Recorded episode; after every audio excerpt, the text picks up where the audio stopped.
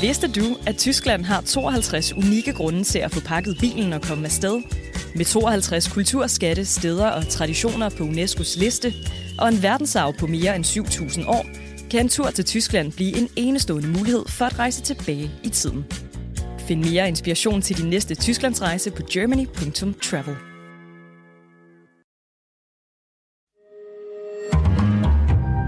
Berlingske. Under coronaepidemien havde ejendomsmalerne fede tider. Folk skulle bare have noget lækkert at bo i, når nu de ikke måtte gå ud og lave alt det, de plejede. Boligmarkedet var glohit, men i år har det taget et gevaldigt dyk. Og mange af de førstegangskøbere, der købte, da markedet toppede, risikerer nu at blive teknisk insolvente. Gælden overstiger værdien af deres hus. Har bankerne et ansvar for den situation? I kraft af, at man fik en ekspansiv finanspolitik og en meget lempelig pengepolitik, vi fik noget friværdi, vi fik noget optimisme ind i samfundet, som der var med til at holde hjulene i gang. Det siger Lise Nytoft Bergmann. Hun er boligøkonom og chefanalytiker i Nordea Kredit. Så det var det rigtige, bankerne gjorde, det var det rigtige, samfundet gjorde i situationen. Det var det i hvert fald under den første coronanedlukning. Om man så gjorde for meget under den anden coronanedlukning, det er nok et, øh, et spørgsmål, der står hen til fremtiden. Tja, jeg vil hellere snakke om det nu. Har bankerne været for rundhåndet med de afdragsfri lån under de fede coronatider? Det taler jeg med Lise Nytoft Bergmann om i dag. Velkommen i Pilestræde.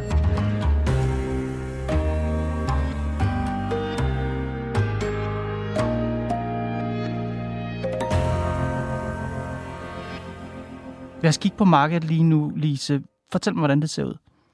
Jamen, vi gik ind i 2022 i et rigtig højt og flot tempo på boligmarkedet, hvor der blev solgt rigtig mange boliger. Efterspørgselen var stor. Renten var godt nok steget i løbet af 2021 fra sådan 0,5 procent i kuponrente på et 30-årigt lån. Den lå så på 1,5 procent, da vi gik ind i 2022.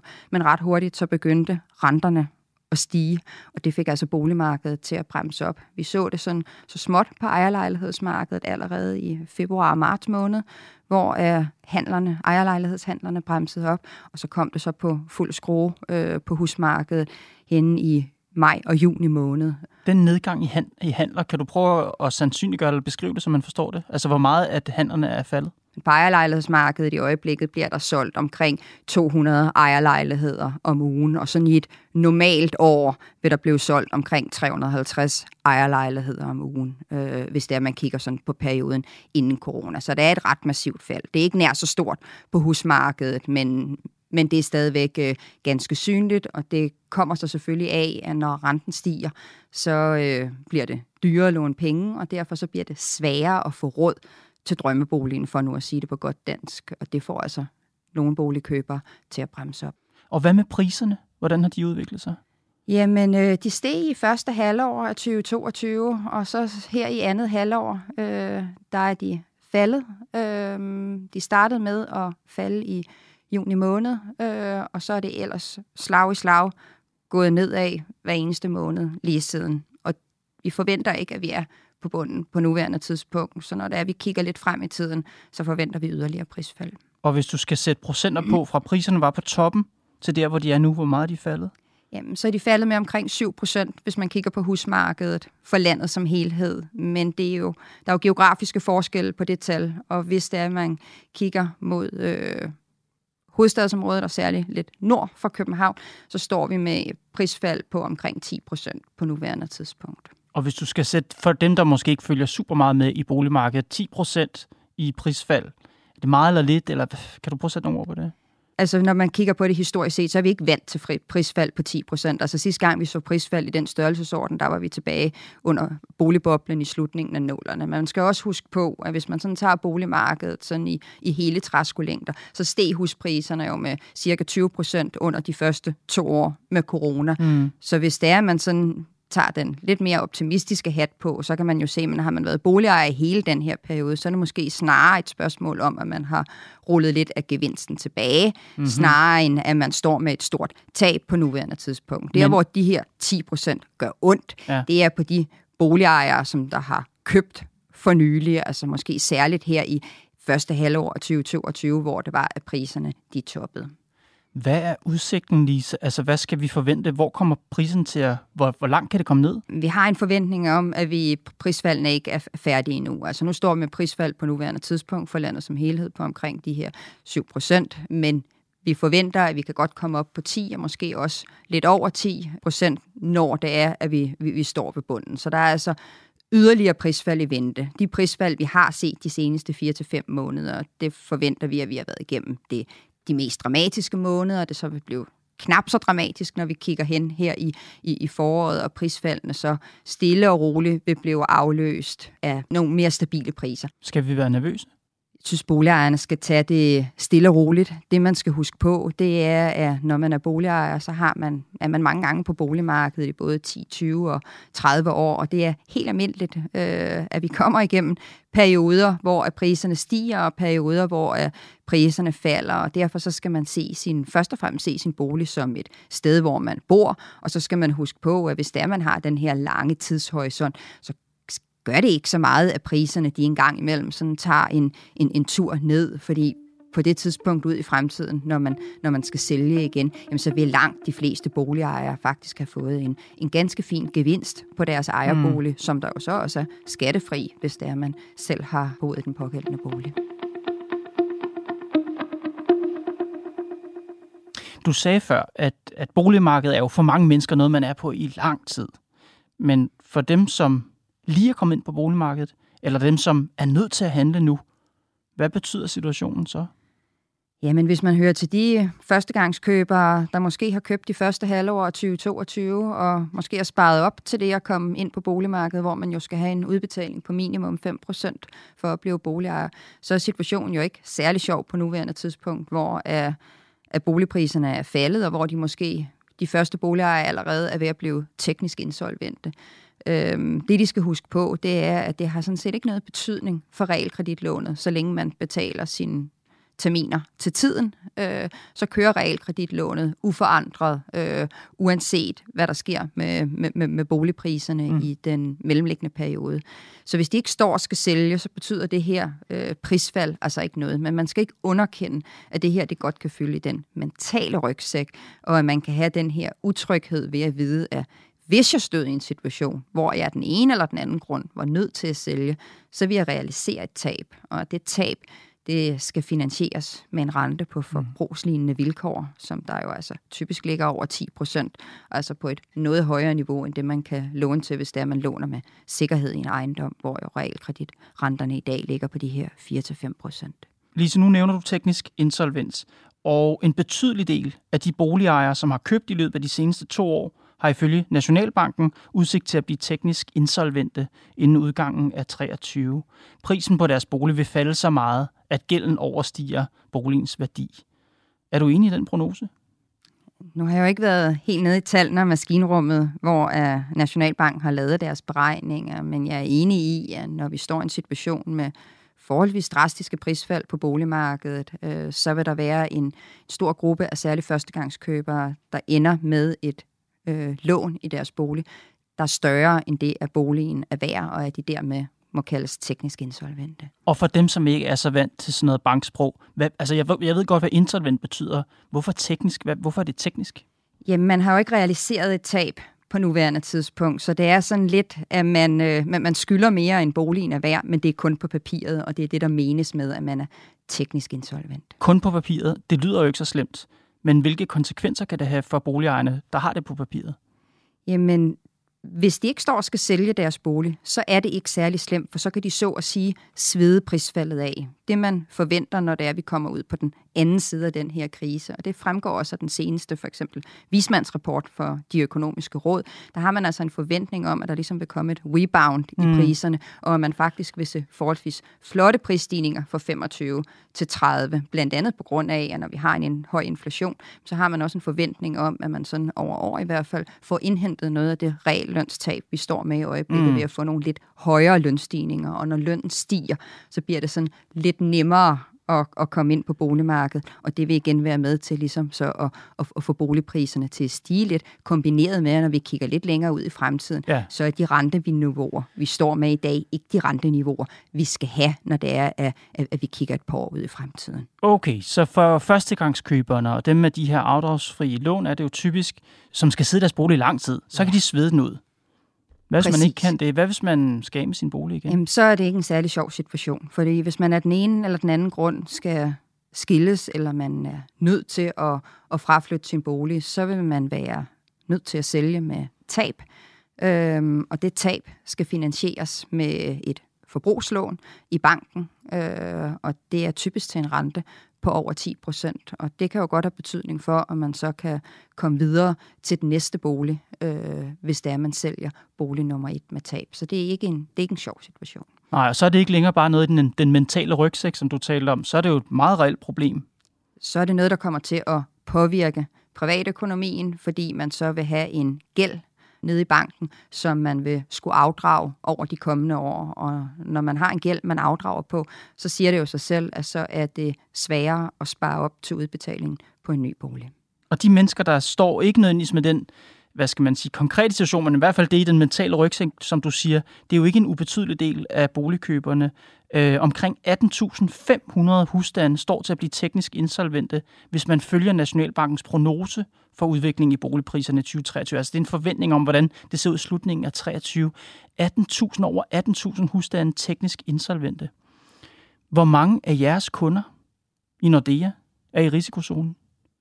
Det er ikke noget, vi har regnet på, men i kraft af, at vi har cirka 17 procent af privat kundemarkedet, så vil et godt bud være, at, 17 procent af de her 18.500 kunder vil have et, et boliglån øh, og realkreditlån i Nordea. Hvordan har du det med det? Jamen, der har jeg ondt i maven på de pågældende boligejeres vegne. Særligt jo selvfølgelig for dem, som der vil skulle realisere et tab.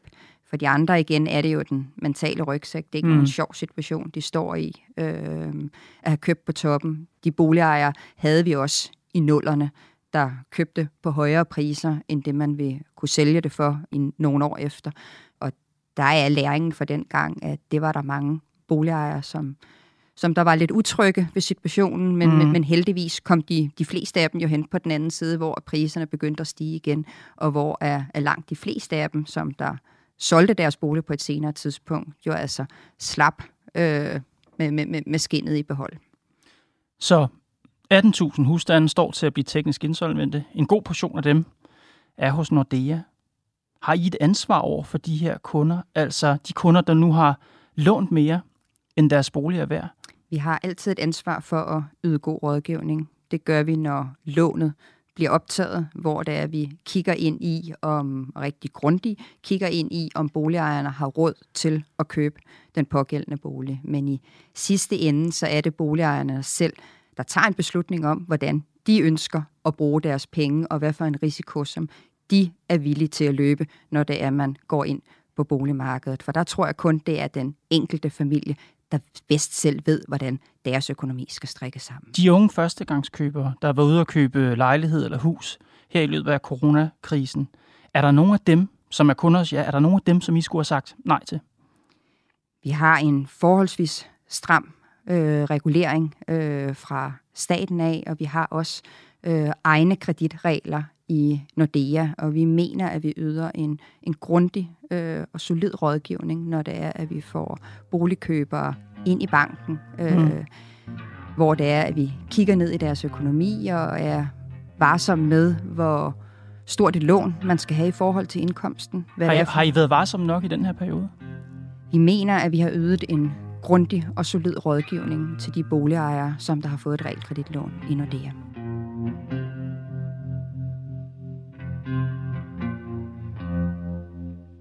Du skrev et indlæg i børsen for en måned siden om afdragsfri lån, øh, og her undrer du dig over, at de afdragsfri lån er blevet så populære, selvom de er blevet dyrere.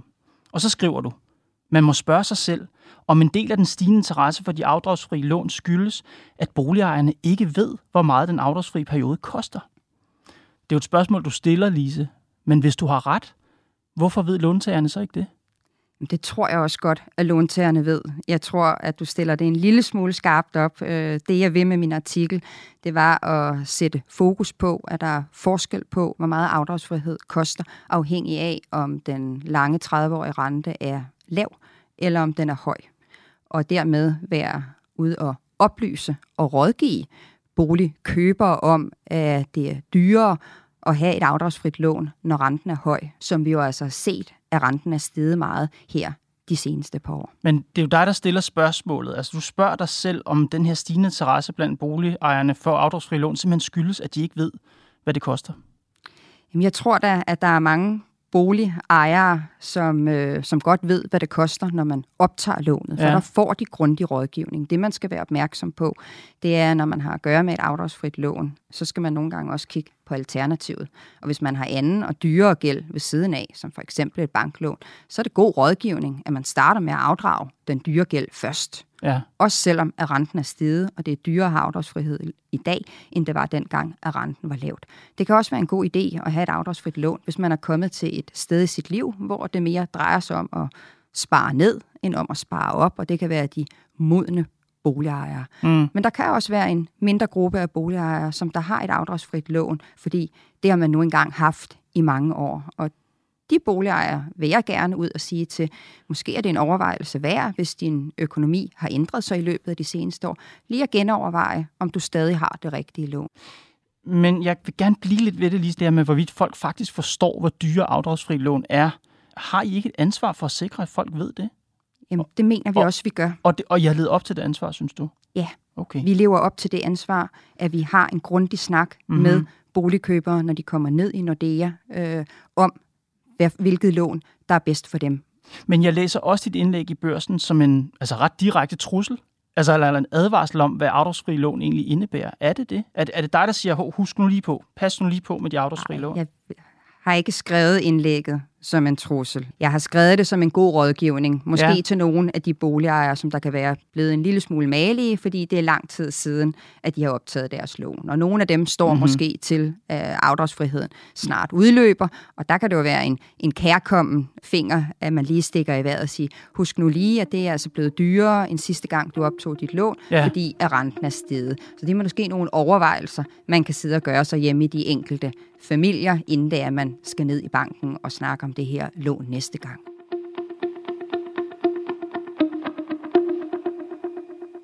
Lise, den udvikling, vi ser med forventningen om teknisk insolvens på vej blandt førstegangskøbere, er det et tegn på, at der er brug for skrappere regler for afdragsfri lån og for boliglån det hele taget? Man kan ikke sammenkoble de to ting. Man Hvorfor? vil jo altid stå i en situation, hvor det er, at hvis priserne falder mærkbart, så vil der være nogen, der har købt på et tidspunkt, hvor priserne var højere, ja. og dermed vil være teknisk insolvente. Så, mm-hmm. så, så skrabere regulering er, er ikke det samme, som man helt kan undgå at stå i en situation, hvor faldende priser giver boligejere, der er teknisk insolvente. Men vi har allerede haft rigtig meget regulering i løbet af de seneste år. Øhm, den regulering øh, mener jeg også virker, for når der man for eksempel læser Nationalbankens publikationer, så er de mhm. også ude med et budskab om, at boligejerne har en robust økonomi, og langt de fleste boligejere okay. godt kan tåle, at priserne falder. Så selvom vi ser den udvikling i markedet, vi gør, selvom vi kan forvente teknisk insolvens øh, op mod næsten 20.000 husstande i Danmark, så siger du nej, det er ikke et argument for at stramme reglerne om for eksempel afdragsfri lån. Jamen, vi kan ikke afvise, at der er behov for yderligere regulering. Det, jeg synes, man skal være opmærksom på, det er, at man kan gøre lige så stor skade ved at gøre for meget, som ved at gøre for lidt. Hvorfor? Øh, Hvordan det? Jamen, hvis man strammer for meget, så kan man stå i en situation, hvor uh, de unge mennesker, de ikke har mulighed for at komme ind på boligmarkedet, uh, når de selv gerne vil, at det kan tage mange år, uh, før at de har sparet nok op til at komme ind på boligmarkedet. Og det vil jo tage noget af deres frihed fra dem ja. øh, i deres private økonomi. Øhm, og hvis man strammer yderligere på, hvad det er for nogle låntyper, de kan få, så kan det være, at man tvinger dem øh, over i en, en risikoprofil, som der egentlig ikke passer til familien. Men en ting er jo, hvad man ønsker sig. Noget andet er, hvad der er realistisk og fornuftigt. Men vi kan heller ikke afvise, at der er behov for yderligere regulering. Det vi siger på nuværende tidspunkt, det er, at vi synes lige, at vi skal lade den nuværende regulering virke, mm-hmm. og at man derfor lige skal se tingene lidt an. Vi er i et øh, farvand, hvor hejerne svømmer tæt, hvis man kan sige det på den måde, ja. i øjeblikket på boligmarkedet, hvor priserne allerede falder, og der skal man nok passe på med at skubbe til et læs, der allerede står og svejer lidt. Okay. Så, så når vi kigger længere frem, kan vi ikke afvise Nej. yderligere regulering, men på nuværende tidspunkt siger vi, om det ikke er det rigtige at vente os tiden an. Også taget betragtning af, at vi også kigger ind i en boligskattereform, der også kan få betydning for dele af boligmarkedet, og som altså træder i kraft her yes. i løbet af et års tid. Lad os se tiden an, siger du. Tidligere på ugen, der talte Nationalbankdirektør Lars Rode ved bankernes årsmøde. Var du med? Nej. Nej. Øh, men han gentog et budskab, som han også er kommet med her i studiet faktisk, hvor han siger, at politikerne bør stramme adgangen til afdragsfri lån.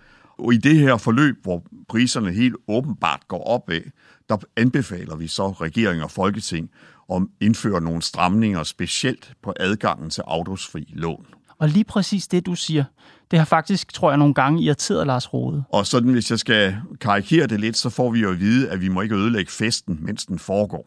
Altså, hans, hans logik, det er, øh, når, man, når det går godt, så vil man ikke stramme. Og nu hvor det går mindre godt, så vil man heller ikke stramme. Og da markedet så, og det medgiver jeg gerne, her lige nu ser noget svagere ud på grund af rentestigninger og, og reallønsfald, så er det heller ikke muligt. Og så er det, jeg siger til mig selv, det er åbenbart aldrig det rigtige tidspunkt at gøre de rigtige ting. Hvad siger du til det? Jamen, vi bakker helt op om de stramninger, der har været på kreditområdet historisk set, og dem har der jo altså været en, en lang perlerække af, så der er blevet strammet. Øh, vi er et helt andet sted i dag, end vi var i midten af nullerne, og vi bakker op om den, øh, de ændringer, der har været på det her område.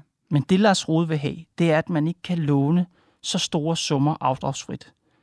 Det, det, det han siger, det, det, er, det, det er galt. Det, det er ikke godt for markedet. Det er ikke godt for nogen. Det er ikke godt for kunderne. Hvad siger du til det?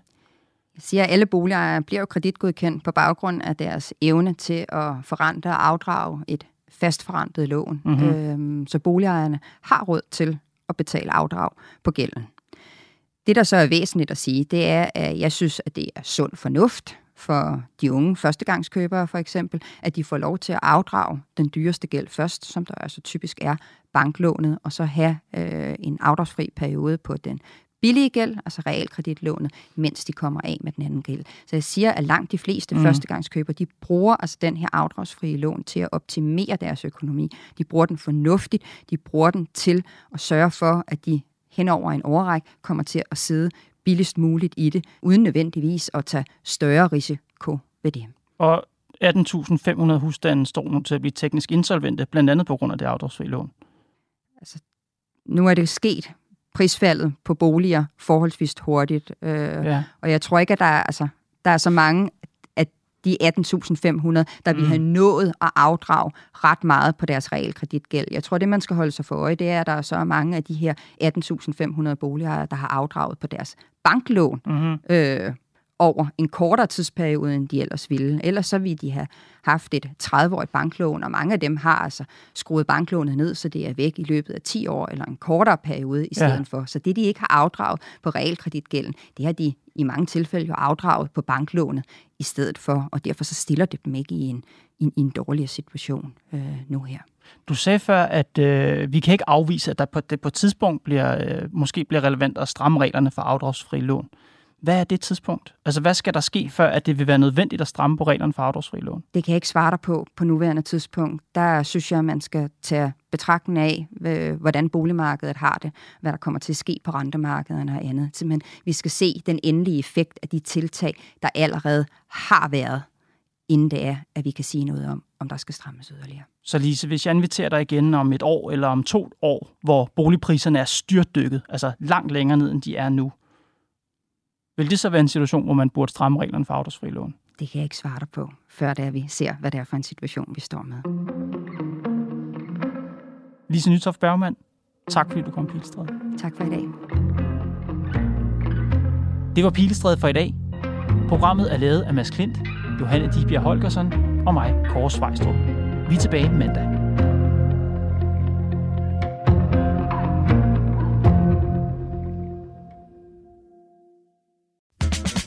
Vidste du, at Tyskland har 52 unikke grunde til at få pakket bilen og komme afsted? Med 52 kulturskatte, steder og traditioner på UNESCO's liste, og en verdensarv på mere end 7.000 år, kan en tur til Tyskland blive en enestående mulighed for at rejse tilbage i tiden. Find mere inspiration til din næste Tysklandsrejse på germany.travel.